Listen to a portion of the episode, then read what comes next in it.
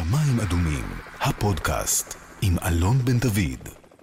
שלום, תודה שהצטרפתם אלינו לשמיים אדומים, הפודקאסט על האינתיפאדה השנייה. בפרקים הקודמים עסקנו באיך שינתה האינתיפאדה השנייה את המפה הפוליטית של ישראל ועיצבה אותה מחדש. השינוי הזה היה גם שינוי אישי עמוק להרבה מהמנהיגים. אהוד אולמרט, ליכודניק בכל רמ"ח איבריו, מתנגד חריף להסכמי אוסלו וליוזמות השלום של ברק, הפך לימים לראש הממשלה הישראלי שהניח בפני הפלסטינים את הצעת השלום הנדיבה ביותר אי פעם. אנחנו נדבר איתו היום על השינוי הזה, ונדבר גם עם הסופרת דורית רביניאן על הקרעים שנוצרו אז ושהולכים ומעמיקים עד היום בינינו ובין הפלסטינים, וחמור מזה, בינינו לבין עצמנו. אנחנו בתודעה שלנו עדיין באלפיים שנות גלות, ולכן אנחנו תופסים את עצמנו כמיעוט במרחב הערבי. מדינת ישראל איננה רוצה שלום. זה נאמר בכאב. שלום לראש הממשלה לשעבר אהוד אולמרט, שלום וברכה. וגם ראש העיר ירושלים לשעבר. מה שלומך בימים אלה? שלומי האישי? שלומי האישי טוב. אם אתה שואל מה שלום המדינה שלנו, פחות טוב. אזרח מודאג? אה, לא, אני אזרח שנכון להיאבק על מה שנראה לו חשוב כדי שהמדינה תחזור למסלול של אה, שפיות ושל אחריות ושל ביטחון אישי ושל דמוקרטיה ושל שוויון ושל טיפול בבעיות האמיתיות שלנו, שזה בעיות העתיד של אה, היחסים שלנו עם השכנים שלנו. אז נחזור עוד מעט לימים האלה, ונראה אם יש קשר גם להיסטוריה, ואני רוצה לקחת אותך אה, 23 שנה אחורה.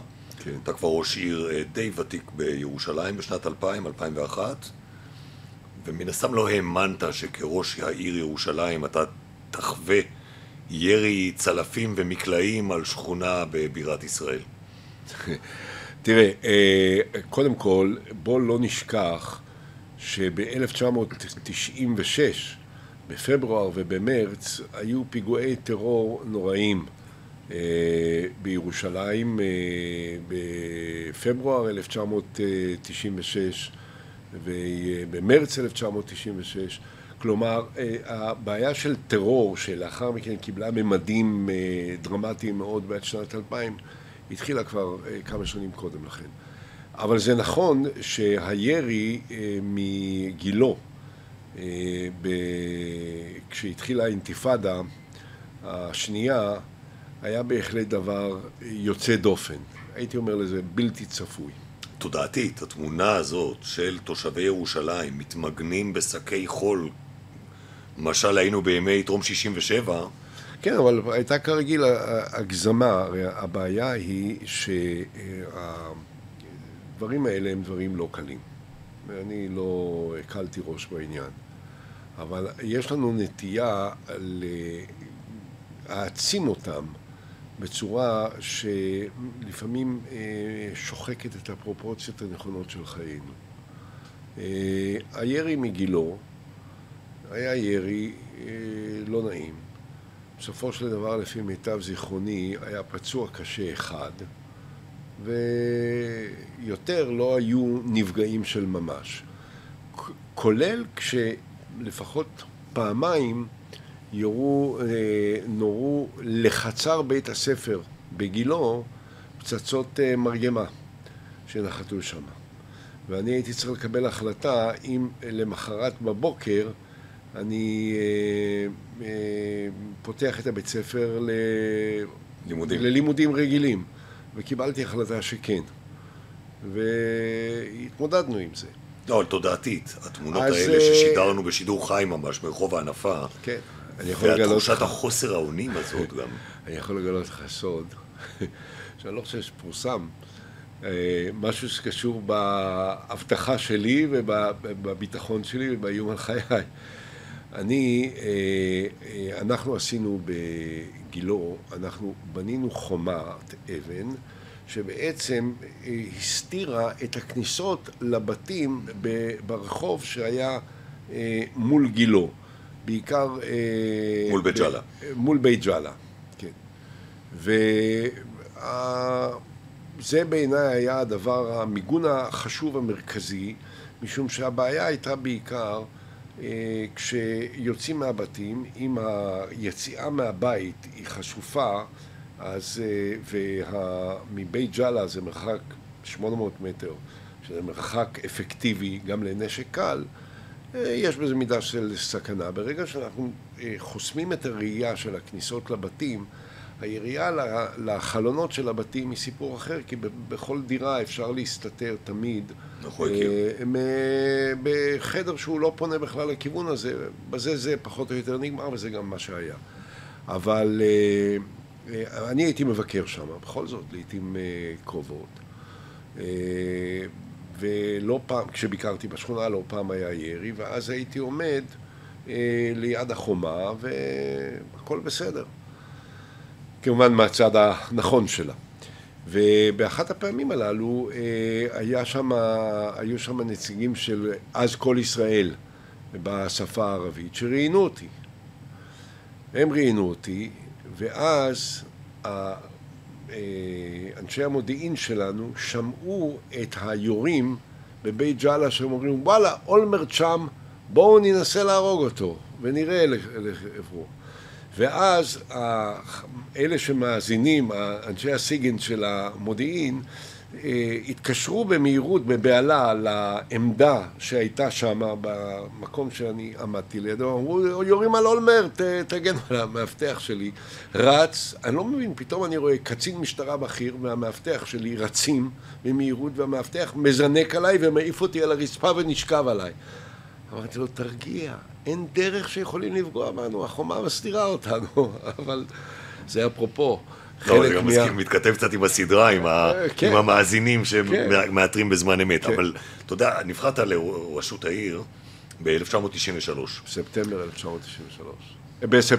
סליחה, בנובמבר, בספטמבר היה הסכמי אוסלו.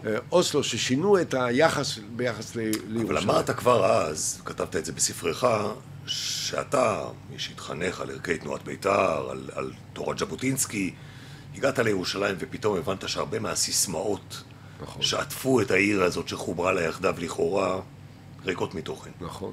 היא לא באמת עיר מאוחדת. לא הייתה אף פעם. היא לא הייתה אף פעם. הסיסמה הזאת, ירושלים המאוחדת, ה...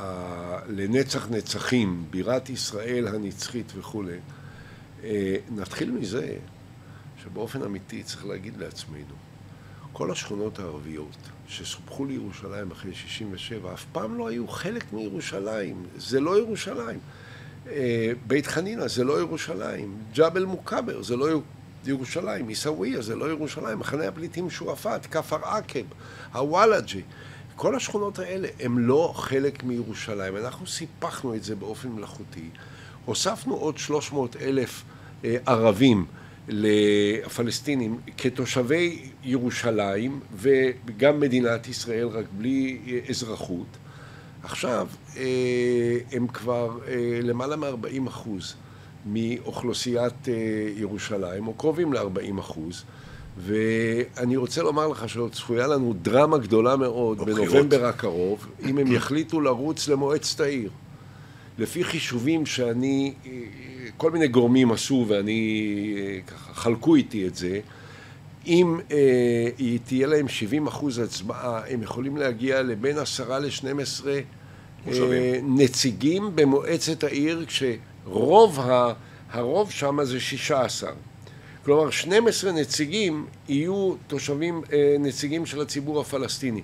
זה יגרום לשוק אדיר כי פתאום אנחנו נבין מה המשמעות של המשך השליטה שלנו בשטחים שבהם אה, גרה האוכלוסייה, שהיא לא בעצם לא רוצה להיות חלק מאיתנו, ואנחנו לא רוצים שהיא תהיה חלק מאיתנו. ואני חושב שאנחנו צפויים להתמודדות מאוד כואבת עם בעיית אה, השטחים בכלל ובעיית ירושלים בפרט. בשביל מה אנחנו צריכים את הוואלג'ה? בשביל מה אנחנו צריכים את ג'בל מוכבר? בשביל מה אנחנו צריכים את עיסאוויה? כי מישהו צייר את הקו ב-67. מישהו צייר באופן מלאכותי, אבל זה לא אמיתי. אתה יודע, אני, יש לי רגש עמוק מאוד לירושלים. זאת העיר שחייתי בה חמישים שנה, והעיר שעמדתי בראשה עשר שנים, עשר השנים אולי הכי דרמטיות בהיסטוריה המודרנית שלה. בהיסטוריה המודרנית שלה, לא רק בחמישים השנה האחרונות, במאות השנים האחרונות. לא הייתה, כולל לא במלחמת השחרור, לא הייתה דרמה כזאת כפי שהיא הייתה בשנתיים האלה. שאי אפשר היה ללכת ברחובות, שאי אפשר היה להיכנס לחנויות, שאי אפשר היה לשבת בבית קפה, שזה קרה שוב ושוב ושוב ושוב וכדומה. אני אומר, רגע, אם יש סיכוי שאנחנו נצמצם את הבעיה על ידי כך שאנחנו ניפרד מהחלק הלא ישראלי והלא יהודי של העיר הזאת, למה לא? בשביל מה כל הזיוף, העמדת הפנים הזאת, הריקנית, השחוקה, שאין בה שום אמת. תראה, כל אלה שמדברים על אה, ירושלים המאוחדת והשלמה, תגיד לי, מי מהם ביקר אי פעם בג'בל מוכבר? לא מי בכלל שם. דורך שם מהתושבים היהודים? שלא לדבר על מחנה פליטים שועפאט. כן, מי בכלל מגיע לשם?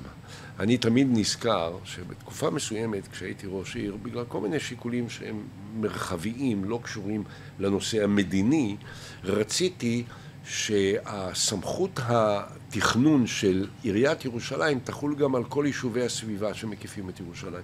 בגלל שחשבתי שלא ייתכן שכל מיני יישובים בסביבה יחיו על חשבון התשתיות שלנו, מבלי שלנו תהיה אפשרות להשפיע על התכנון המרחבי כדי להבטיח את האינטרסים של כל האזור, אבל גם של העיר שלנו. ואז ניהלו התושבים אה, ממבשרת למשל, כולל אנשים, כולל חברי כנסת של הליכוד שהם הקיצוניים והימניים ביותר, אמרו, מה, אנחנו ברחנו בירושלים ואתם רוצים להכניס אותנו אליה? אנחנו לא רצינו לחיות בירושלים ואתם מכניסים אותנו אליה. זה אלה שמוכנים שאנחנו ניהרג על שלמותה של ירושלים שהם לא רוצים לחיות בה. ובאותם ימים בשנות התשעים, איך אתה מסתכל על הניסיון של רבין להוביל תהליך שסופו אמור אה, להיות היפרדות מהפלסטינים? תראה, אה, האמת היא שכשהייתי חבר כנסת, הייתי חבר כנסת כל השנים האלה, רוב השנים האלה, וכמובן בזמן שהסכמי אוסלו עלו לדיון, אה, אני עליתי נגדם, הצבעתי נגדם, אז, כי? אבל, כי אז חשבתי שההסכמים הללו הם לא הסכמים אה, נכונים. אה, אבל בדיעבד, אני בשלב יותר מאוחר שיתפתי פעולה והיה לי אה, דו-שיח מאוד רציני ומקיף ומעמיק עם רבין, גם לגבי הנושא של ירושלים, ואני חושב שלמרות שאני גם היום חושב שהסכמי אוסלו בנושא של ירושלים אה, לפי דעתי אה, נהגו לא, ב, לא בחוכמה, לא בזהירות, לא ברגישות מספקת. אנחנו באיזשהו מקום נתנו דחיפה שעודדה את, ה, אה, את הפעילות הטרוריסטית בירושלים, כי פתאום יצרנו איזושהי תחושה שיש להם סיכוי שם להצליח ושאנחנו נוותר, ולפי דעתי לא היינו בשלים לזה, כלומר גם הסכמנו על זה, אבל גם לא היינו בשלים לזה, וזה לא רק הליכוד אה, בשלב יותר מאוחר, שבוודאי לא היה, אבל גם מפלגת העבודה כשהייתה בשלטון, כולל רבין ופרס בתקופה שהוא היה אחריו. למשל, אתן לך דוגמה, את ההסכם בעניין חברון, היציאה מחברון, רבין לא קיים אותו בעת שהוא היה ראש ממשלה לפני שהוא נרצח. בסוף מי שנאלץ לקיים אותו זה בנימין נתניהו, הגיבור הגדול והלוחם הגדול למען שלמות הארץ ושלמות הש... אה, ירושלים וכולי וכולי. אבל זה כרגע לא, לא שייך. העובדה היא שדווקא ביבי עשה את זה לא מתוך עוצמה, כרגיל מתוך חולשה. אבל רבין לא קיים את. אוקיי. ההסכם הזה על חברון. זאת אומרת שבאיזשהו מקום ההידברות עם אש"ף הייתה צעד היסטורי שעליו הוא ראוי להערצה ולהוקרה. וכולל העובדה שהוא נפגש עם אה, ערפאת שאני יודע ממנו כמה שהוא תאהב אותו וכמה שהוא לא רצה באמת. אתה לא פגשת אותו אף פעם. אני לא פגשתי את אה, ערפאת, לא רציתי לפגוש אותו. נמנעתי. וכשאהוד ברק נבחר ב-99 על גלים של תקווה כשהוא מבטיח גם להוציא צה"ל מלבנון, אבל גם להביא הסכם עם הפלסטינים וגם הסכם עם הסורים. אתה שותף לתקוות האלה? אה, אני כבר אז נמצא במקום אחר לחלוטין, ואני יכול להגיד שאני אה, אה, מתחתי ביקורת על ברק ביחס לדברים מסוימים שהוא הציע קמפ דיוויד בשנת 2000, אבל לא היססתי לימים, כשהוא היה שר ביטחון בממשלה בראשותי, דווקא בתקופה של אה, חיכוכים לא מועטים שהיו בינינו וויכוחים והתנצחויות וכדומה, באחת מישיבות הקבינט אמרתי לו שאני אמנם מתחתי עליו ביקורת קשה על דברים מסוימים שהוא עשה בקמפ דיוויד, בדיעבד אני חושב שהוא צדק ואני מתנצל על העובדה שמתחתי עליו ביקורת ואמרתי את זה בישיבת קבינט לפרוטוקול. במה הוא צדק?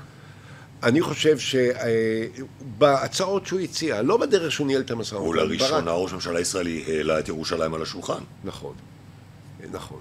אה, הוא כמובן, אה, הבעיה עם ברק הייתה לא בכך שהוא נמנע מלהציע הצעות אמיצות. הוא הציע הצעות אמיצות. אני הצעתי הצעות יותר מרחיקות לכת, אבל אני חושב שהוא הציע הצעות אמיצות הדרך שבה הוא ניהל את העניינים, הדרך שבה הוא שם את הדברים, הוא לא בא עם איזושהי, עם איזושהי עמדה מגובשת, מסודרת ומדויקת מבחינתו וניסה ללכת איתה קדימה, אלא זה קפץ בכל מיני צורות. הזיגזוג הזה? מה? הזיגזוג בין ה...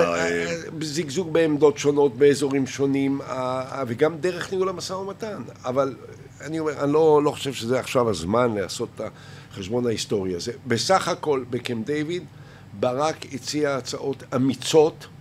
העובדה שאני לא תמכתי בנקודת זמן מסוימת, במיוחד משום שהוא ניסה לגרור אותי ולטעון שכביכול אני הצעתי לו הצעות כאלה, דבר שלא היה נכון, גרם לכך שמתחתי עליו ביקורת, אבל בדיעבד התנצלתי בפניו על הביקורת הזאת, כי אני חושב שהוא גילה אומץ רב בדרך שבה הוא הלך. ולהבחנתך, הוא נכנס לקמפ דיוויד עם אמונה כנה שניתן לסיים את הסכסוך, או כדי להוכיח שלא ניתן?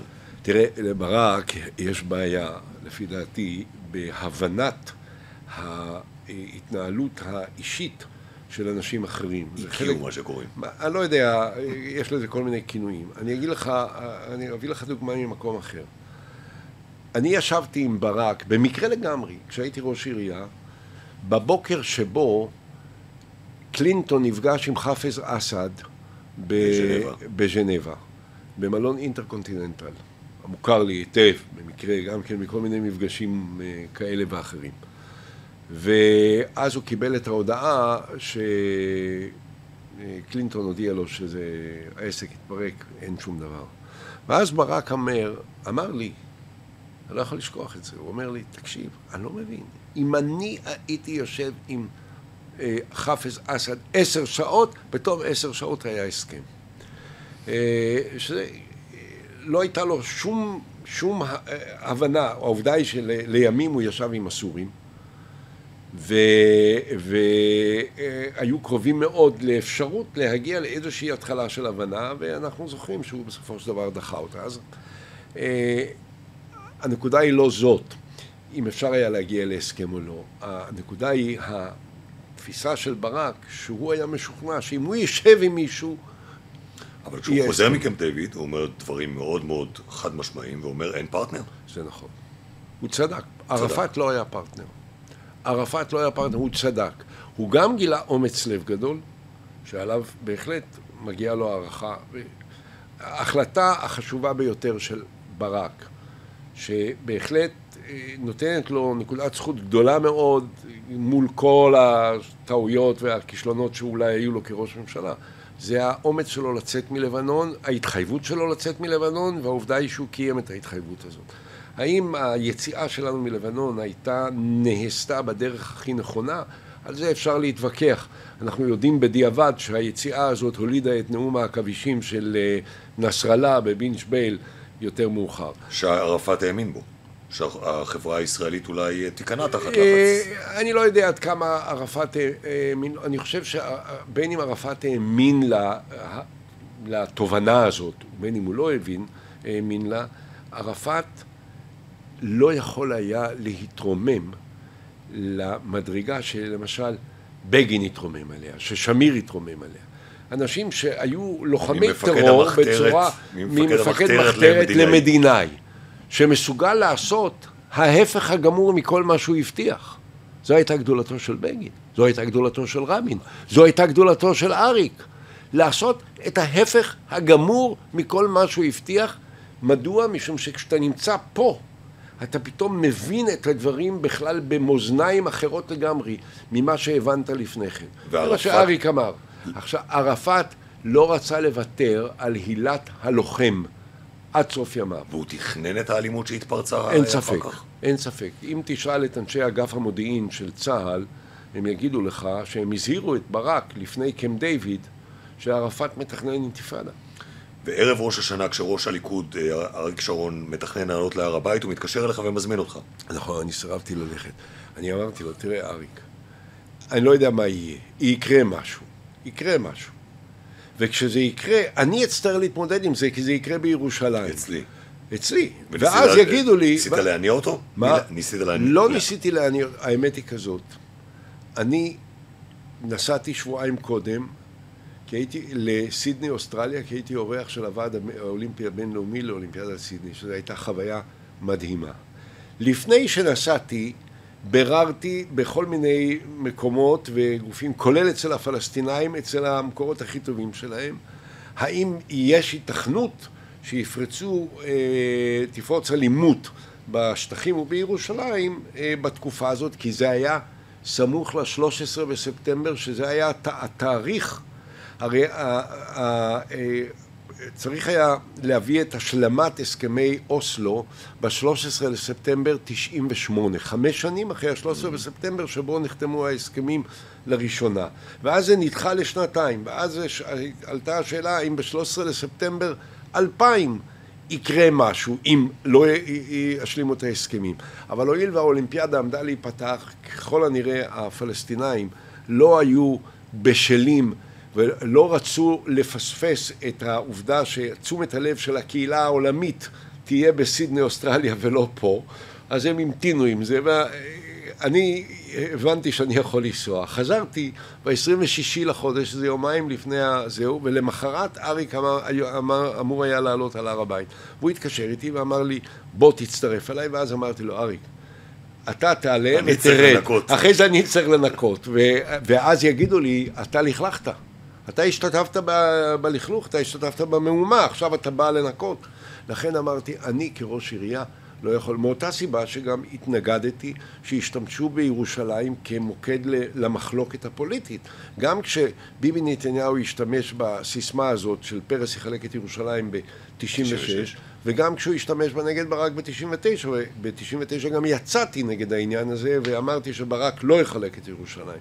כי חשבתי שזה לא נכון שאנחנו ביוזמתנו נהפוך את ירושלים לנושא למחלוקת, הרי אנחנו רוצים כל הזמן ליצור קונסנזוס סביב ירושלים. אז מכל מקום, אה, אה, לא רציתי להצטרף לאריק בעלייה שלו על הר הבית. בדיעבד אני חושב שהיה ברור למה. אני זוכר עוד 28 לחודש, זה היה, זה היה ערב ראש השנה. זה היה יום שישי, זה היה ערב ראש השנה, ו... ואז התחילו המהומות שם, ואז אני מקבל הודעה אה, למכונית, שאני אני נסעתי לכיוון הר הבית, שיאיר יצחקי, מפקד מחוז ירושלים. נפצע מאבן כבדה שנחתה על ראשו והוא אה, איבד את ההכרה והוא אה, נלקח לבית חולים. ואני ס- אה, נתתי הוראה לנהג לסובב את ההגה ולנסוע להדסה כדי לראות שמה ובאתי לשמה כדי לראות מה עם המפקד שלי, בכל זאת הוא מבחינתי הוא היה המפקד של ה... אה, מפקד המלחמה בירושלים והבנתי שהוא אה, אה, התאושש. זה היה בוקר נורא ליאיר יצחקי, כי לפני שהוא הלך להר הבית, שר המ... ה... לביטחון פנים נפגש איתו ואמר לו שהוא לא ממנה אותו למפכ"ל. בן עמי. אה, את, אה, בן... אני חושב שזה היה שלמה בן עמי. ואחרי זה הוא חטף את מה שחטף בראש וכולי, וזה היה יום נורא. אה, ובעצם זה התחיל את האינתיפאדה, אחרי זה ישראל כולה מד- מדממת בחודשים שאחרי, נכון. ובחלוף זמן לא רב מחליפה הנהגה, ובוחרת באריק שרון, מתוך תקווה שיחזיר לה את הביטחון. ואז היא שמעה ממנו משפטים שעם ישראל לא מאמין למשמע אוזניו, הוא אומר פתאום, איפוק זה כוח. אה, נשחטים אה, נערים בכניסה לדולפינריום בתל אביב, וראש הממשלה שרון, שבחרו אותו להחזיר לנו ביטחון, עומד באיכילוב ואומר, איפוק זה כוח. תראה, אה, קודם כל, איפוק זה כוח, ואיפוק גם משדר עוצמה ולא חולשה. ואני חושב שזה ההבדל הגדול בין אריק לבין אה, נתניהו. נתניהו פניקייר, וכשקורה משהו מיד רץ להופעה בטלוויזיה אחרי שהוא מתאפר שעה שלמה וצובע את השערות ויוצא בהודעות לאומה. אריק שרון היה נסער אחרי אירועים בצורה שאתה לא יכול לתאר אותה בכלל, אני ראיתי. לא אחת הייתי בסמוך אליו. אבל בהתבטאויות שלו כלפי חוץ הוא שמר על איפוק והוא אה, לא גרר את הציבור לסוג הפניקה ש... פניקה לא, אבל האדם הלוחמני הזה, כן. אני זוכר איזה תמונה, נדמה לי זה היה בצומת פת. עם ה... עם ה... מה שהיה צומת פת זה דבר, זה דבר מכונן.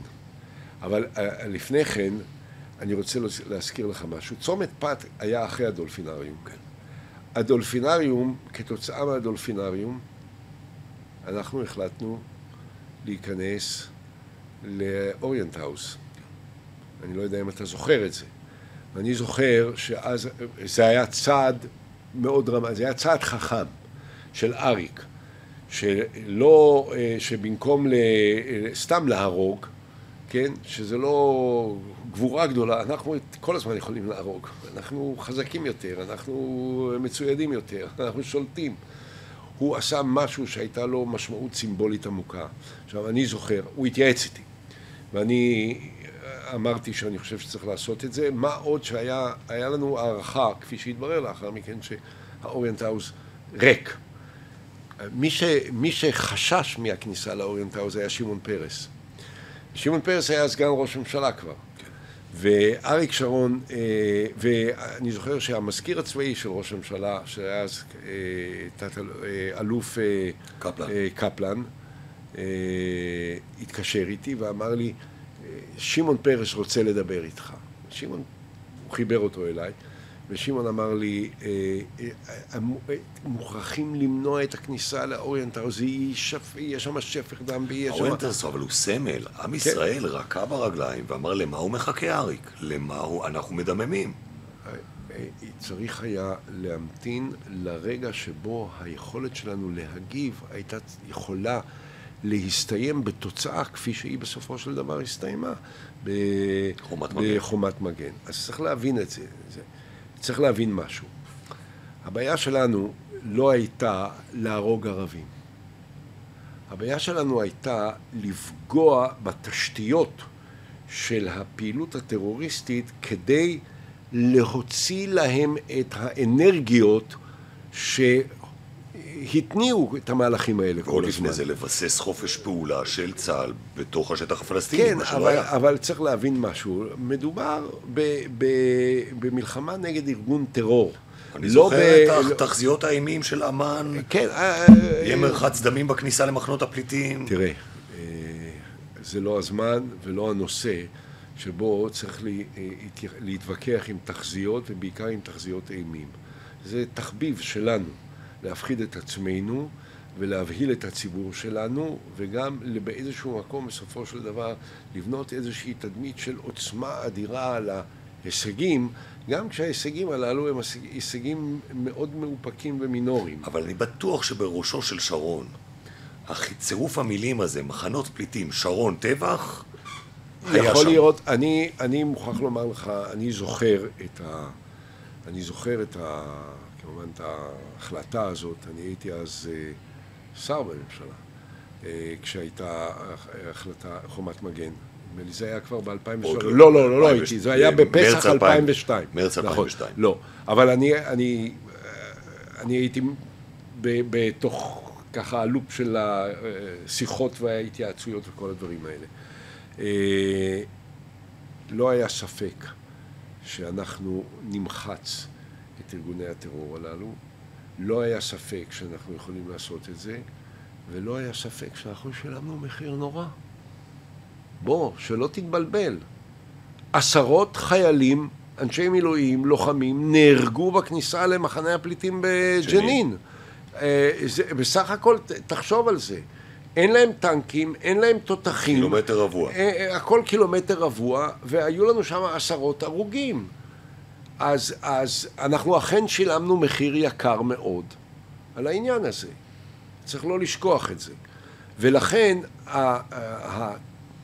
החוכמה וגם הכוח של אריק בטיפול בעניין הזה היה בין היתר היכולת לא למהר בתגובות שהמחיר שבה אנחנו היינו משלמים גם בעיבוד הלגיטימיות הבינלאומית שלנו מצד אחד וגם בקורבנות נוספים מעבר לקורבנות של הטרור עצמו מצד שני לא תמיד הצדיקו תגובה חטופה ומהירה רק משום שמישהו חשב שאריק שרון זה פייטר ומאצ'ו שלא ייתן שיעשו, אלא היה צריך לפעול בשכל. אבל שנה אחרי חומת מגן, שאתה כבר מצטרף לממשלה, כן.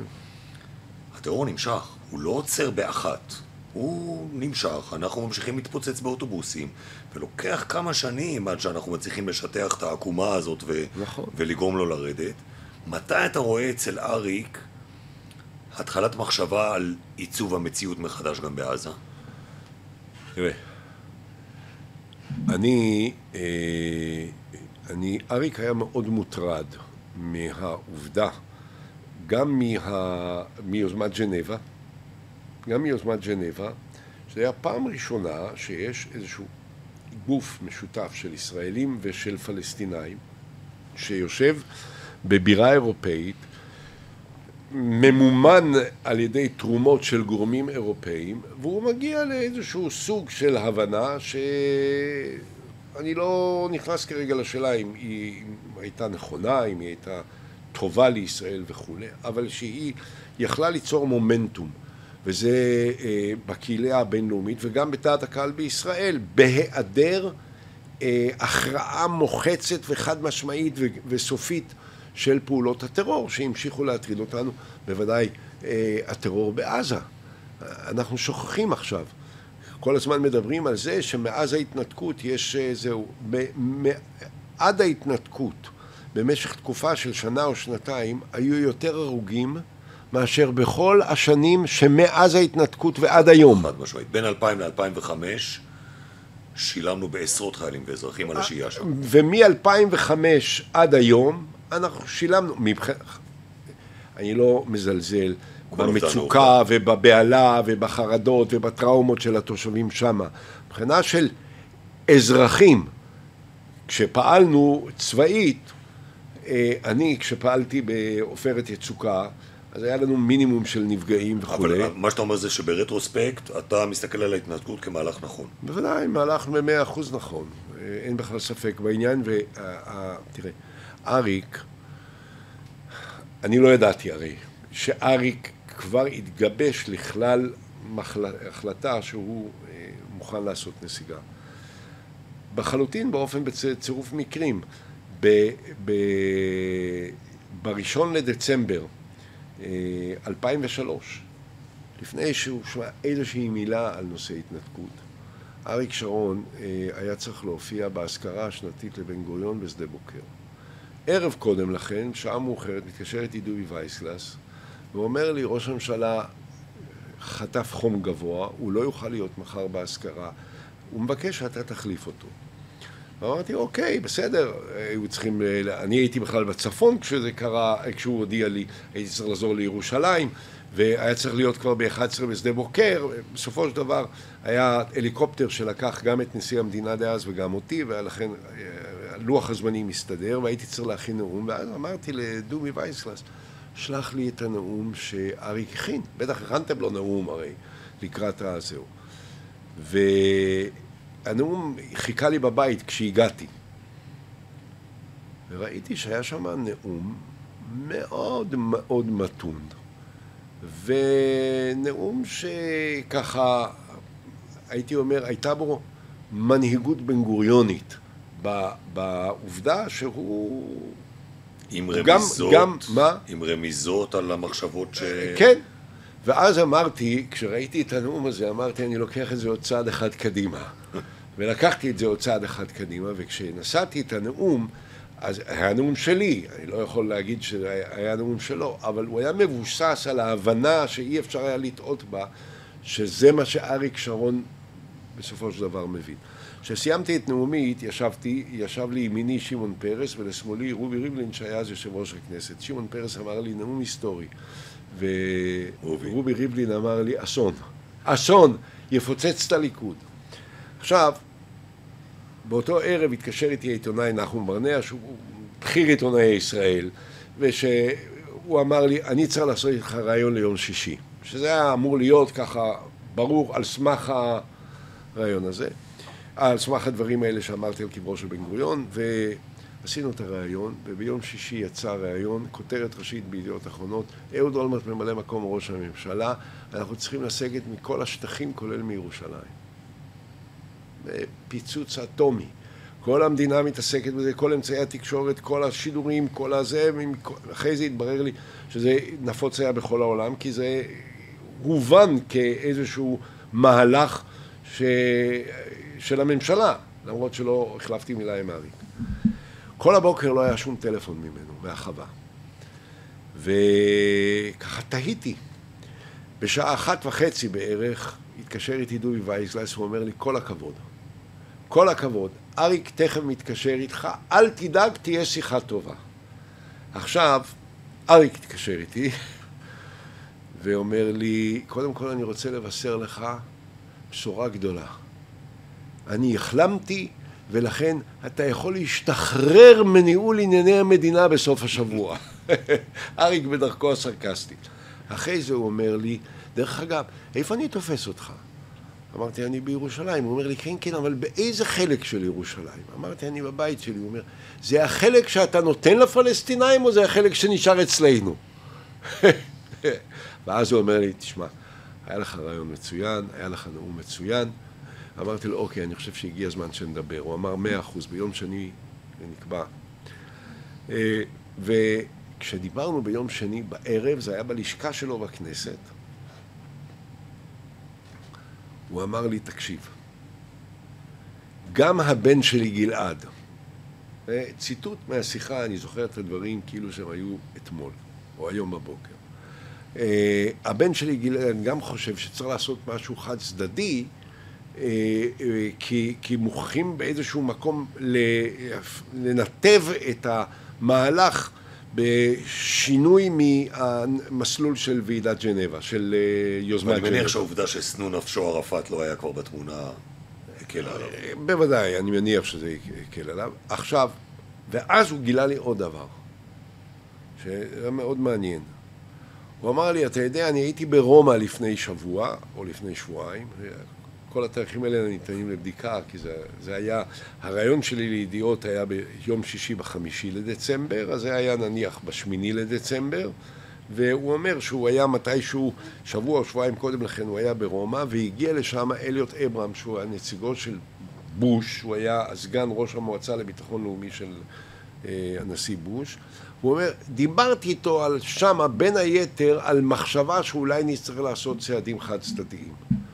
ואז התברר לי שהמחשבה שאני נתתי לה ביטוי פומבי, גם באופן מקביל קיננה אצל אריק. כלומר, זה לא היה רק אה, רעיון שלי. אבל, ואז התחלנו לגלגל את זה, ובסופו של דבר, נדמה לי ב-16 או ב-17 בינואר, זה חודש ומשהו אחרי זה, הוא בחווה קיים שיחת תדרוך עם יואל מרקוס, ושם הוא אמר לו שהוא חושב על פינוי של 17 יישובים, או 16 או 17 יישובים, ו, וכשזה יצא, אה, יואל מרקוס בדרכו חזרה מהחווה לביתו, בטלפון הכתיב לאתר של הארץ שיש אה, מחשבה כזאת, וכמובן all hell broke loose, מה שנקרא, כל העולם אה, נרעש ו... ונסער. אבל אתה רואה שהחיבור הזה בין הטראומה שספג הציבור הישראלי בשנים המדממות של שנות האלפיים, עם התחושה שבסופו של דבר כל מקום שישראל יצא ממנו הפך לזירה לשיגור טרור ואלימות כלפי ישראל. מעצב את התודעה הפוליטית הישראלית עד היום. אנשים אומרים, יצאנו מלבנון, קיבלנו מפלצת חיזבאללה, יצאנו מעזה, קיבלנו אה, רקטות, מיהודה ושומרון כבר לא נצא. כי כבר ניסינו אבל, את זה. אבל, אבל אני חושב שזאת גישה פניקיירית והיסטרית, שיש מי שמלבה אותה כדי לאבד את הפרופורציות הנכונות. ניקח את לבנון בהתחלה, נוח לי, כפי שאתה יכול לתאר לעצמך. מה לא אמרתם אתם, כל הפרשנים וכל המומחים מכל הסוגים, על מלחמת לבנון השנייה? העובדה היא שאנחנו יצאנו מלבנון, באמת החיזבאללה המשיכו להטריד אותנו, כשהנחתנו עליהם מכה ראויה, הם הפסיקו, 17 שנה. לא הייתה שום פעולה צבאית ישראלית בהיסטוריה של מדינת ישראל מאז הקמתה, מאז 48' ועד היום, שהביאה לשקט באותה גזרה שבה הייתה הפעולה הצבאית של 17 שנה. למעט מלחמת יום כיפור. לא, מלחמת יום כיפור עשינו אחרי זה שלום, אבל, אבל אה, הפעולה, מלחמת יום כיפור לא נחשבה הצלחה. צבאית אה, בסוף נגמרה בניצחון שאפשר את השלום. מה שאפשר את השלום זה ללא ספק ה- ה- העובדה שאנחנו נלחמנו והצלחנו להגיע אה, לצד השני של התעלה, אבל ה- ה- בהיקף הכולל של המלחמה הזאת ותוצאותיה, זה אפשר להביא נסיגה מוחלטת של ישראל מכל השטחים. זאת הנקודה, זאת אומרת, זה שאנחנו אומרים שלום זה נהדר, אבל צריך לזכור, שלום שבו אנחנו נסוגונו מכל השטחים. כן. עכשיו, מה שהיה בלבנון, אני חושב די ברור, זה היה הישג אסטרטגי מן המעלה הראשונה, ולא חשוב כמה שפעמים יגידו הכישלון והכישלון והכישלון, הישג אדיר. עכשיו, מה שקרה ברצועת עזה ומה שיקרה ביום שאנחנו ניסוג מיהודה ושומרון, יהיה טרור. אתה באמת חושב שאנחנו נהיה 60 שנה ברצועת עזה, שאנשים בני 60 שהם כבר סבים לילדים, מעולם לא חיו יום אחד שלא תחת האיום של הרובה של מי שכבש אותם, ולא חשוב כרגע מה היו הנסיבות שבגללן אנחנו נכנסנו לשם, הרי ברור שאנחנו לא יזמנו את כניסתנו ליהודה ושומרון, אנחנו נאלצנו לעשות את זה כחלק מהגנה עצמית, אין ויכוח על זה, אבל 60 שנה אנחנו שם עם הרובה השלוף ועם העוצמה הצבאית שלנו, ואתה חושב שכל זה, כל המרירות וכל המכאובים וכל הכעסים וכל אה, המחירים שהפלסטינאים שילמו על הכיבוש הזה ייעלמו אחרי שיחתמו איזשהו הסכם ביום אחד או בשנה אחת או בשנתיים, זה ייקח, זה ייקח זמן. זה ייקח זמן שם, ויכול להיות שגם ברצועת עזה אה, יכולנו לנהוג אחרת כדי לנסות לתאם את המציאות, להשפיע על התנהלות המציאות בצורה קצת שונה. ואני לא בטוח שזה מאוחר לנסות לעשות את זה עכשיו. אבל כמו שזה נראה, אותם אוטובוסים שהתפוצצו אז בשנות האלפיים, ההדים של הפיצוץ עדיין מציירים את המערכת הפוליטית הישראלית אחרת. שמאל כמעט ולא קיים. המילה שלום יצאה מהלקסיקון הפוליטי. אה, אף אחד לא מדבר על זה. להפך, אנחנו הולכים למהפכה משטרית שתאפשר להנציח את השליטה ביהודה ושומרון. אין ספק שאנחנו מדינת ישראל בבעיה. אבל אה, אם נסתכל, תראה, אנחנו הלכנו לבחירות ב-2006 אחרי נסיגה, למרות שהפעילות הטרוריסטית מרצועת עזה לא הפסיקה, וניצחנו בגדול והליכוד התרסק. אחרי זה היו בחירות ב-2009, אחרי מלחמת לבנון השנייה, ואחרי עופרת יצוקה, ואחרי שבמשך שנים הירי היה זהו, ובכל זאת הירי מרצועת עזה המשיך והטרור מיהודה ושומרון היה, אם כי במינונים הרבה יותר קטנים. ובכל זאת, עדיין הליכוד לא הייתה המפלגה הגדולה ביותר, קדימה הייתה המפלגה הגדולה ביותר.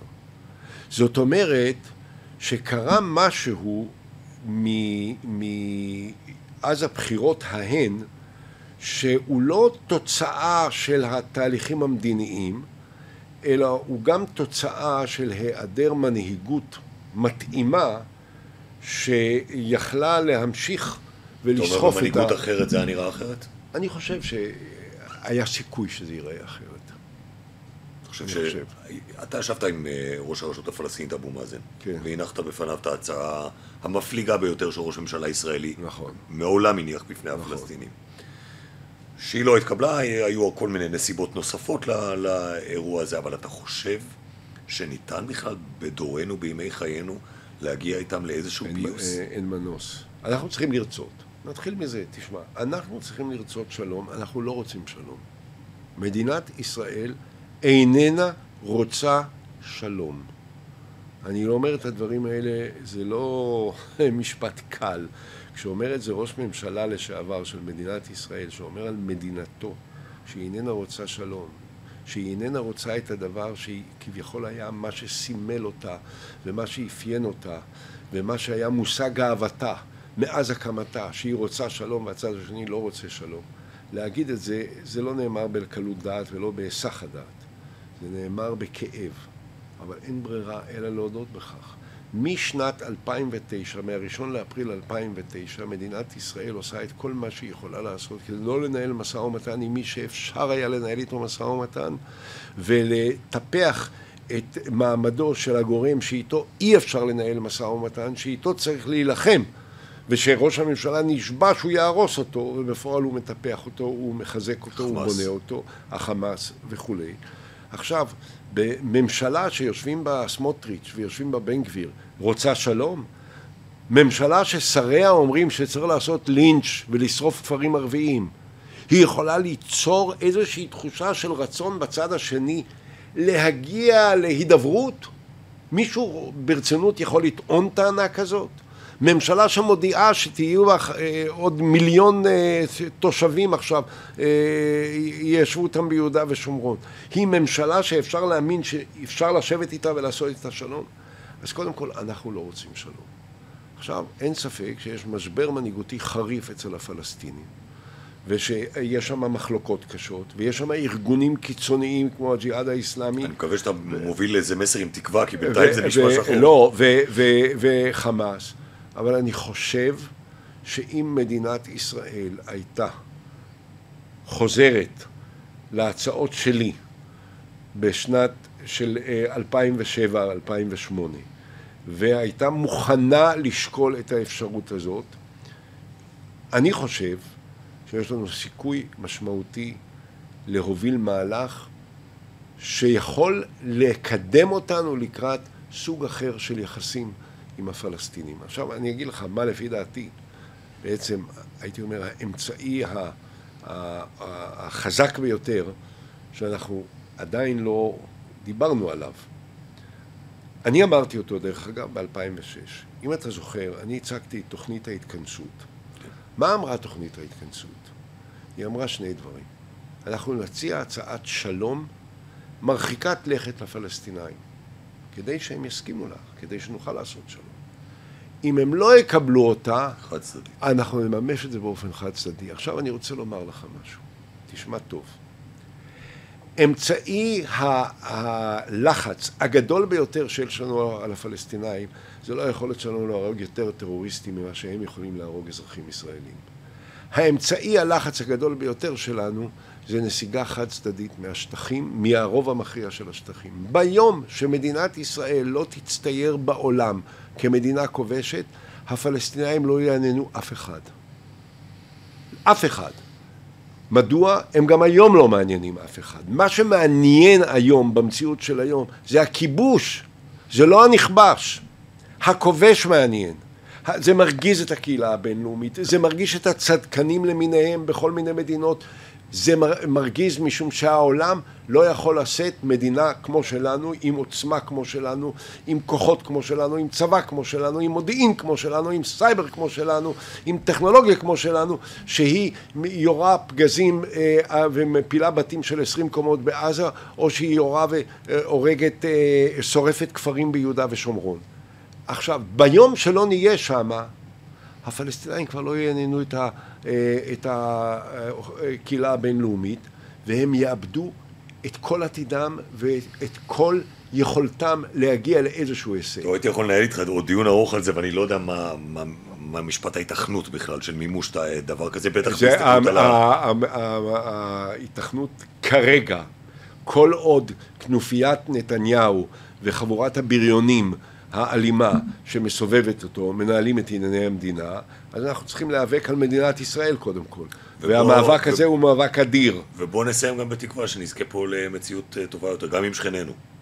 אני מקווה מאוד שאחרי שננצח את ממשלת הזדון ששולטת בארץ, נצליח להגיע לשלום עם שונאי ישראל שהיום נראה שהם דומיננטיים בקרב הפלסטינים. אהוד אולמרט, תודה רבה על השיחה המעניינת תודה הזאת. רבה. תודה שבאת. הסוף של האינתיפאדה השנייה משאיר רושם על הציבור הישראלי. הזיכרון הקולקטיבי של הזוועות יוצר קוטביות שמגיעה לשיא דווקא בימים האלה והופך את הקערה על פיה. נדמה שהמשימה שעומדת מולנו היום, לפני פיוס בין ישראל לפלסטינים, היא קודם כל פיוס בתוכנו. שלום לסופרת אורית רביניאן. שלום. תודה שבאת אלינו, מה תודה שלומך? על ההזמנה. אה, כבימים האלה, חם וסוער ובוער. איפה את מוצאת את עצמך בימים האלה באותו... אם נגיד שהפודקאסט הזה עוסק בקרע שהתחיל איפשהו סביב האינתיפאדה השנייה, הקרע בתוכנו, והיום הפך לתהום, באיזה צד של התהום את? אה, אני בצד המפגין, בצד המוחה, בצד המודאג. אה, כבר חצי שנה, באותה פינה, בדה וינצ'י קפלן, עם אותה צעקה, עם אותן סיסמאות, ועם אותה תקווה שאולי, לא יודעת, אולי צריך לעשות איזה שידוד אה, באופן התיווך של המחאה, כי אולי אמפתיה חסרה. אני לא יודעת, אנחנו לא מצליחים לפרוץ לבבות של אה, תומכי הרפורמה, התחזה לרפורמה, ההפיכה הזאת. יש שכבות שהמחאה לא, לא נוגעת בהן. כלומר, שמסתכלים על המחאה כ, כאויב, למרות שאלה שכבות שייפגעו גם הם מהרפורמה. השכבות האלה הן בשולחן השבת איתי. אז אני לא מוצאת אותם רחוקים ממני. ומצליחה לנהל שיח? אה, נמנעת, לא נוגעים בנושא. חבל.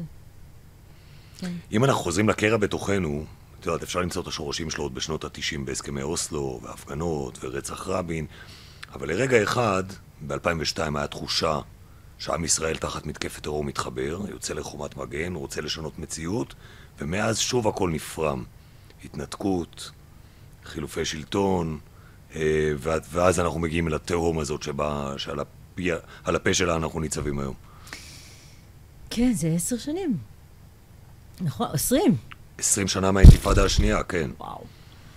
Um, הספר שלי, גדר חיה, מיקמתי אותו מבחינת uh, ציר הזמן בניו יורק 2002. זאת אומרת, הוא מתחיל בסתיו של 2002 והוא מגיע לשיא שלו באוגוסט 2003. אז בואו בוא נגיד למי שלא קרא, סיפור אהבתם של ישראלית ופלסטיני בניו יורק, שהרקע ההיסטורי שבחרת הוא דווקא הרקע הכי קשה, שיא האינתיפאדה השנייה. נכון. למה?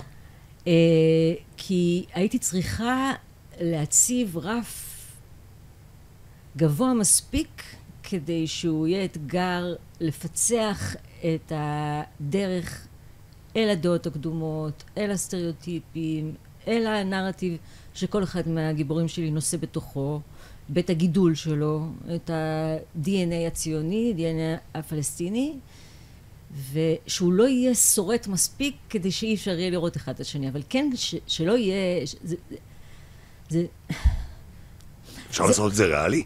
שזה יהיה אמין? בטח שזה חייבים. אי אפשר לעשות storytelling בלי אמינות. אמ, המזרחיות של הגיבורה שלי הייתה צריכה לאפשר לה להתקרב אל הערביות של הגבר הפלסטיני שהיא מתאהבת בו בניו יורק, בארץ כל האפשרויות הבלתי מוגבלות. אה, והאזור דמדומים הזה שבין הזהות היהודית, הישראלית, הציונית, המצוינת הזאת שהיא קיבלה, יחד עם הזהות המזרחית, כשהיא צריכה לראות את האחר ולהיות מסוגלת להתאהב בו, לאהוב אותו, ל- לראות בו את עצמה. ויש אפשרות בכלל להפריד את האחר מהרקע, מהלאום, מהזהות? זאת הגאולה שלנו. היכולת שלנו לבודד את האינדיבידואל מתוך הצרור המחניק העצום הזה של ההמון, מתוך ההלאמה של הפרטי. וזה התפקיד של האומנות. אנחנו מבודדים אחד מתוך אה, אלפים ורבבות, ואז אנחנו מצליחים לראות שהוא דומה לנו הרבה יותר מאשר היה נדמה לנו שהוא שונה מאוד. זאת אומרת, אם לחזור רגע להיום, ל... ל אה, אני, חושב, אני רואה אנשים שנולדו אחרי שנת 2000, ואני רואה שהם חסרים משהו בטעם הזה של התקווה שאנחנו כבני 20 ומשהו התנסינו בו בהסכמי אוסלו. האפשרות הזאת של לדמיין מציאות אחרת. שלא להיות שטוף בגל הלאומני מזה, הזה. זה יותר מזה, היכולת בכלל לראות בצד השני בני אדם. זהו. את יודעת, לפעמים אני צריך, אה, אני מספר על איזה פיגוע שקרה. ואני מספר את הרקע האישי של מי שביצע את הפיגוע, שהוא מחבל לכל דעה. אבל יש לו, הייתה לו אימא שאהבה אותו, והיה לו אבא שאהב אותו, והוא אדם, הוא אדם. ונורא קשה לאנשים לקבל את זה. זה היה ממש מעציב אותי, כי זה נורא נורא רדיקלי המקום שהגענו אליו, הוא כבר נדמה שהוא כל כך, כל כך מעבר לקו האדום. אתה יודע, נפרדנו מבולי לא מזמן, מא' ב' יהושע, במלאת 40 שנה למאהב, ששאלו אותו, זה נקרא מנעים לחילמי. חילמי זה הגיבור שלי, שלך. ונעים זה הגיבור שלו. אצלו יש סיפור אהבה בין שני אה, תיכוניסטים בחיפה, של שנות ה-70, ואצלי הסיפור האהבה הזה בתחילת שנות האלפיים בניו יורק, בין אנשים קצת יותר בוגרים, אבל עם זהות סקרנית ו- ועם חומות יותר גבוהות, כי זה, הם, הם פלסטיני וישראלית, לא שני ישראלים אה, אה, אזרחים.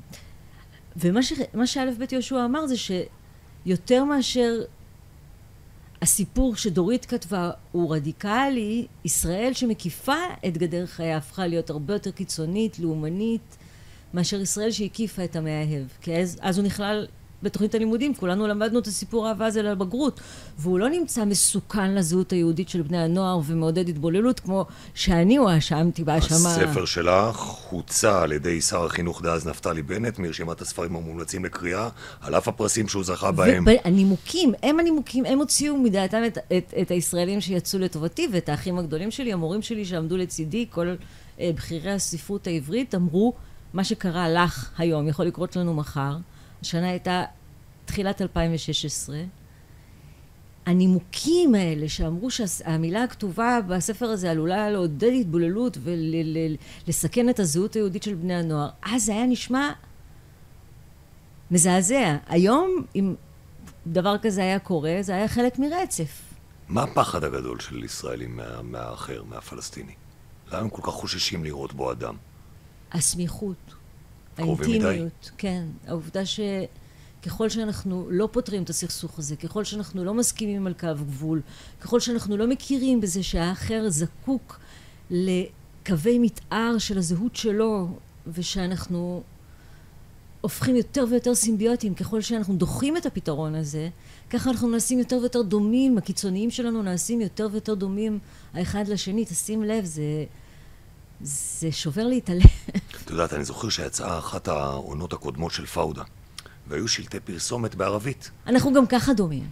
וה, והיו עיריות שמצאו את השלטים האלה מאיימים ודרשו להסיר אותם כי אנשים חשו לא נוח שיש שלט בערבית בעיר שלהם. עכשיו, אתה אומר, לפני דור, שני דורות, חצי מהמדינה הזו דיברה ערבית בבית. זו הייתה שפת אם של חצי מדינה פה. מה הפחד מהתרבות הזרה? זה לא תרבות זרה, זה המרחב, זה השכונה שאנחנו חיים בה. זה בדיוק העניין. אנחנו בתודעה שלנו עדיין באלפיים שנות גלות. אנחנו לא ריבוניים מבפנים. ולכן אנחנו תופסים את עצמנו כמיעוט במרחב הערבי. עם אנחנו- מזוודה ליד הדלת. ואנחנו שוכחים שהם חוו את הפליטות, שאנחנו ניצחנו, שאנחנו בריונים פה בשכונה הזאת, שאנחנו, יש לנו צבא חזק, כל כך חזק.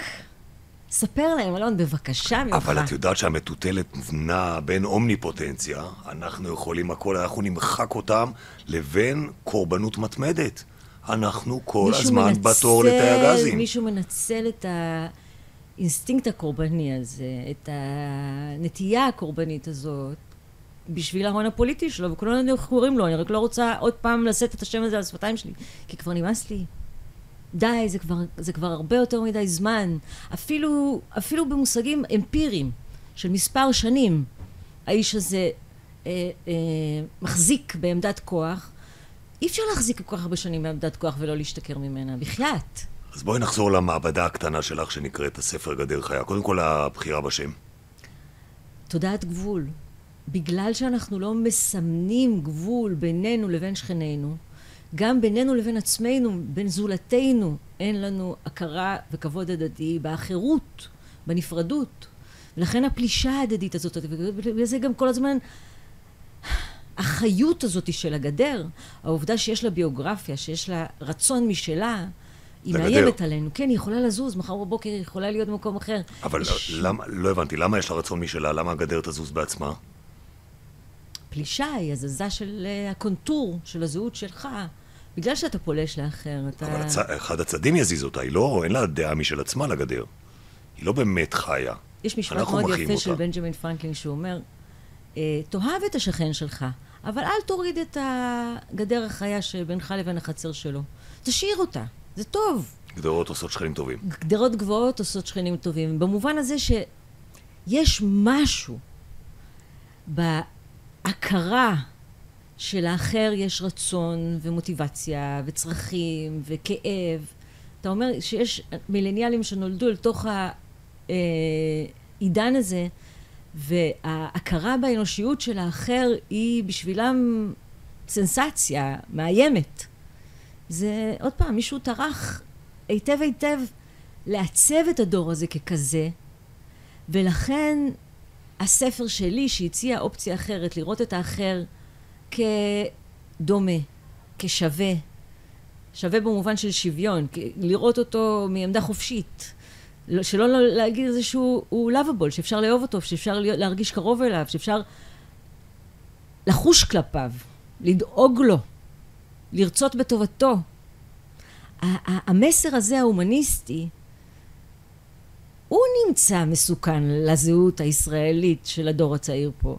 לא הקשקוש הזה על הזהות היהודית והתבוללות, זה הרי היה נימוק סתם כדי לשאת חן בעיני הפוליטיקאי הקטנצ'יק הזה. השאלה אם בין שני האינדיבידואלים, גם כשתבודדי אותם מסביבתם, לא קיימת הגדר החיה.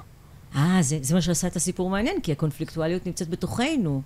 אחרת, אם, אם הגיבורה שלי לא הייתה צריכה לעשות צעד גדול, רחב, ובאמת מסוכן, מעל הגדר החיה שעוברת בתוכה, תודעתית, הגדר שעיצבה אותה על ידי ה- ה- ה- ה- מערכת החינוך הישראלית, אז זה היה קלי קלות, היה לה בויפרנד אמר... אה, כאילו באמריקה, פלסטיני, זה אפילו היה מגניב.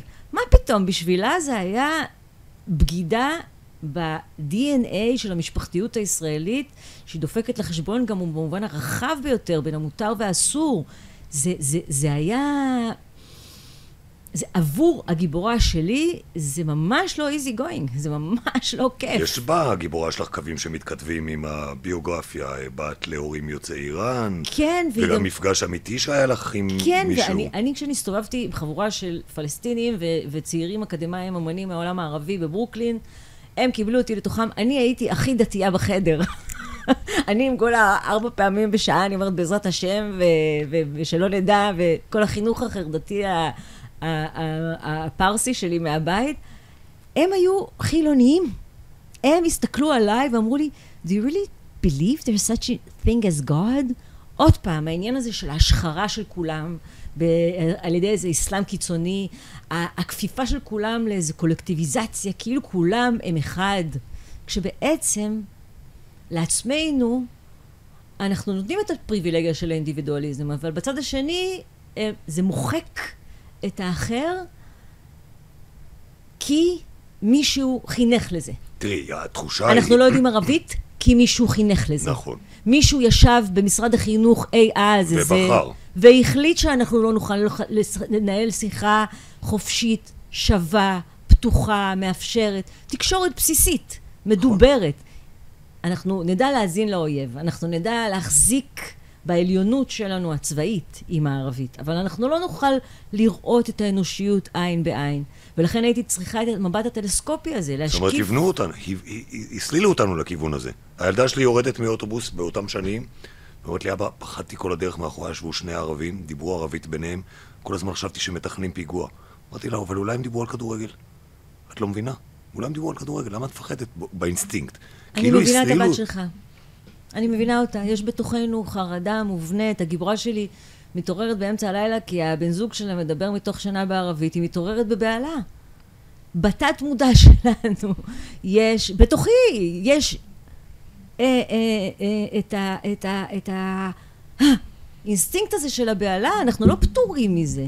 זה שאנחנו אה, הומניסטים, זה לא אומר שטבלנו באיזה מקווה של טהרה, שנפטרנו מכל הדעות הקדומות שלנו ומכל האינסטינקטים השבטיים שלנו. אנחנו בני אדם, ולכן צריך אותנו, את האומנים, כדי שאנחנו נספר את הסיפור האנושי. ולכן הספרות היא, היא, היא, היא, היא נותנת מנוח. כי אתה לא לבד, אתה לא באומללות שלך, בחרדתיות שלך, ב... ב, ב אפילו ב, ב, ב, ב, בשנאת הזר שלך אתה לא לבד, כשאתה קורא שהגיבור שלך מתנשא גם בזה. אתה, אתה, אתה והזולת אחד הם. הרשות הזאת היא לשים רגע את הראש ולהגיד, אה, ah, כולם דפוקים כמוני. גם בי, כשאני שומעת את הפועלים של הבניין של התמ"א לידי, צועקים בערבית, משהו בי מזדקף, משהו בי אה, נדרך. אנחנו לא אה, אה, שמאלנים, יפי נפש, כמו שמישהו בצד השני מנסה להציג אותנו. אנחנו רק מבינים שצריך פתרון, פתרון פרגמטי, פתרון הוגן, פתרון בר קיימא, זה כל העניין. ומישהו בצד ההוא למעלה עושה הכל כדי שלא יהיה פתרון. ואותם אה, זומרים שנולדו לתוך מצב כזה שאין פתרון, הם לא יכולים לדמיין אותו. כי לא היה להם את ה, באמת את הנשיקה הזאת שאנחנו זכינו משנות רבין. המעט האלה, שנות רבין היו ממש ספורות, ממש מעטות. מה, האור הקטן הזה של תקווה? שהמנהיג שלך, האיש שמופקד על הביטחון שלך, על העתיד שלך, על החלומות שאתה עשוי לחלום, על, על השלום האישי שלך, על השלום הלאומי שלך, הוא מוטרד מזה שאין פתרון. הוא מנסה למצוא פתרון. הוא יודע שצריך, אפילו במצב, אתה יודע, הפתרונות שהסכם אוסלו העלה היו בתוך שמיים בוערים, בתוך תקופה של פיגועים נוראים. כן. ואף על פי כן הייתה הכרה בזה שלדחות את, ה, את, ה, את, ה, את הניסיון למצוא איזושהי פשרה, איזשהו גבול, זה, זה, זה צו השעה. והשעה הייתה אמצע שנות התשעים. אנחנו מתקרבים לאמצע שנות ה-20 של המילניום הבא. אבל היום אנחנו כבר, זה כבר לא אפילו הזהות הישראלית אל מול הזהות הפלסטינית, היום אנחנו מתחפרים בזהויות הרבה יותר קטנות. היום אנשים מגדירים את עצמם כביביסטים, רק לא ביביסטים, תומכי רפורמה, מתנגדי רפורמה, מזרחיים, אשכנזים, זאת אומרת, אנחנו בתוכנו כבר מטפחים עוד יותר שבטיות. אחד, ש... מהנושאים, אחד מהנושאים של גדר חיה זה החוסר כבוד לאינסטינקט הבסיסי הזה שלנו כיצורים בלהקה. אני באה גם בחשבון עם, עם, ה, עם המחנה שלי, עם, עם השבט שלי, עם, עם השמאלנות, עם האתוס הליברלי שהזניח במשך עשרים שנות הסיפור של האתוס הפרוגרסיבי לא הייתה הכרה בכך שאנשים צריכים מסגרת רגשית עם הקבוצה שלהם. אנשים זקוקים ל, ללהיות שייכים. זה בסדר גמור. לא צריך לגנות את זה, ובטח לא צריך להכחיש את זה. אנחנו כולנו בני אדם, אבל אנחנו בני אדם עם, צבע, עם צבעים שונים, עם נטיות שונות, עם רצונות שונות, עם, עם סנטימנטים שונים. והשמאל, את אומרת, מחק את הזהויות האלה? זה עולמי, הקוטביות הזאת שאנחנו רואים בכל העולם, זה, זה, זה אני חושבת, כתוצאה של הזנחה. ותגובת נגד אולי כן. לפרוגרסיביות כן. יתר. כן, אתה יודע, יתר יש בהכל, בהכל יש יתר לצערנו, זו תקופה של עודפות. הכל חזק מדי, גבוה מדי. קיצוני מדי. כן, נכון. קולני מדי. ואני באמת, אני דומה לאבא שלי, זיכרונו לברכה, אחד מהדברים שקיבלתי ממנו זה בשבח המתינות. אני מאוד אוהבת מתינות, אני מאוד שואפת אליה. אני אפילו מוצאת שקיצוניות אה, אצל החברים שלי היא, היא, היא לא לוקחת בחשבון את הפגיעות שלנו, את הפגימות שלנו, את החלקיות שלנו, והאנושיות זה כל סך הדפקות האלה. ואת רואה סביבך עוד מתינות? כן. אני חושבת שגם בצד השני אני רואה שיש חתירה למתינות. אני לא רואה את זה למעלה, אני לא רואה את זה במנהיגות. בצד השני, את פה את צריכה להסביר, האם מדברת על הצד ה... לא, אני רואה, אני רואה, אני חושבת שביביסטים זה קומץ ממש קטן. אני רואה אנשי ימין ואנשי, ואנשים מאמינים מסורתיים, אנשים ששומרים שבת ומגדירים את עצמם כ, כדתיים, שהם הם, הם גם, גם נופל להם אסימון. הם, הם, הם, אי אפשר, אם המנהיגים מתנהגים בחוסר היגיון, אי אפשר ל, ל, ל, לטעון כלפי הקהל שלהם שהם חסרי היגיון. הגיונות יש, יש להם פרשנויות שונות. אז מה, חסרה להם מנהיגות? חסרה מנהיגות, גם שם, גם פה. נורא. עכשיו שניסחת את זה, זה כל כך בהיר, נכון? אתה יודע, אני, אני, אני, אני לא נוח לי בעמדה הזאת, אתה נפלת על הדור הלא נכון של הסופרות או סופרים, כי פשוט, שיהיה בריא, דוד גרוסמן עד 120, איבדנו את מאיר שלו, איבדנו את, את א' ב' יהושע, איבדנו את עמוס עוז, לספרות של הדור שנושא את הקול הזה של צופה אל בית ישראל, לא נשארו דוברים כמעט. ולא נוח לי להתנסח ברבים ובאיזה פרזנטציה כזאת, כן? באיזה משהו... אין, אין אקוסטיקה לנאומים, אני לא נוח לי בכיכרות. ובבחינה המסחרית יש בכלל קהל לסכסוך? לכתיבה כן. שעוסקת בסכסוך? תתפלא, גם פה וגם מעבר לים. אני, הספר הזה... מעבר לים אין, אין לי ספק אגב. אני תוהה על הישראלים. רגע, תן להשוויץ. יש גדר חיה מתורגם לשלושים ומשהו שפות. שאפו. ואני מקבלת מכתבים אה, לא פיזיים, אה, דיגיטליים, מיילים, אינסטגרם, טוויטר, פייסבוק, הרבה מהפזורה הפלסטינית, הרבה מהעולם הערבי, שאומרים לי שניסחתי משהו לגבי הזהות הערבית הצעירה העכשווית באופן קוהרנטי, וזה בשבילי, הוא אומר, אני יודע שהידיים שכתבו את הספר הזה זה ידיים ציוניות, הספר הזה הוא ציוני, הוא, הוא ספר של אישה יהודי, יהודייה ישראלית, אני יודע שהיית בצבא, כל מיני כאלה. ומה אומרים? ויחד עם זה, ויחד עם זה הצלחת לשרטט באמינות, בנאמנות, מה זה להיות עם הקונפליקטואליות הזאת, עם האמביוולנטיות הזאת, צעיר פלסטיני היום. ומה אומרים הקוראים קורות ישראלים? איזה תגובות, איזה פניות? אני חושבת שעברתי את סף מכסת ההשווצות והמחמאות לעצמי. לא, לא, תרגישי חופשי, זה היתרון פה בפודקאסט. עופי על עצמך. אני חושבת שהספר הזה נותן תקווה, בגלל זה הוא נפסל על ידי ממשלת ימין, בגלל זה הוא נמצא כפסול. הוא מעניק תקווה על אפשרות לראות את האחר, על אפשרות להכיר את האחר מתוכו, את ה, על האפשרות ש, שההסכם שלום האינטימי הזה בין השניים האלה, הוא עם כמה שהוא לא רגוע, אין בו שקט. ניכר אבל שזו המסקנה שהובלת אליה בכתיבה. השאלה, אם קיבלת איזושהי תגובה... מה זה יש תגובה? אין ספור תגובות. שאומרות מה? שמה ריגש אותך בתגובות האלה? או איזה, מה, מה מאפיין אותן, אם יש דבר כזה? אני, אני, אני באמת uh, כל כך מבורכת uh, בבת מזל שאני לא יודעת להגיד לך שורה אחת. הספר מצליח uh, להיות uh, גם במלאת uh, תשע שנים לצאתו לאור בעברית. הוא, הוא מצליח להיות uh, משמעותי וחיוני במובן שאתה צריך משהו להיאחז בו כמבט אחר על המציאות. והאמת היא, צעירים ממש אלה הבנות שלך שאתה מדבר עליהן, כשהם קוראים את הספר אז אני מקבלת איזה מין אה, אה, ספלאש כזה של אה, באמת פיכחון. כי באמת, מה שאמרת שהן כאילו לא יכולות לדמיין את האחד בתוך ההמון, זה מה שהספר מציע, והם כאילו, אתה רואה שנפקחות להם העיניים, ואתה מבין עד כמה העיניים שלהם קשורות רוב הזמן. ועדיין, הסוף הוא לא צעידה זוגית אל השקיעה. לא. לא, אבל זה, הספר הזה נכתב אה, לזכרו של המוזה שלי, אותו אה, אומן פלסטיני שפגשתי בניו יורק ואהבתי מאוד, וזה היה גורלו, ולכן הספר נכתב כדי להמשיך איתו את הדיאלוג המאוד ער, המאוד סוער, המאוד לא... לא, אתה יודע, עם יונות שלום ודרבוקות, כמו איזה פרסומת למרץ. לא. היה שם מתח, והיה שם דאגה, והיה שם אה, המון המון סטריאוטיפים שהיה צריך לפצח, לפרוץ, לבנות מחדש גם את, את ההכרה שלי כישראלית בזהות שלי.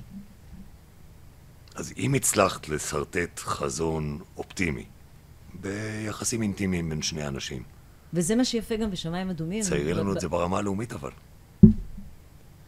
איך מתגברים על זה?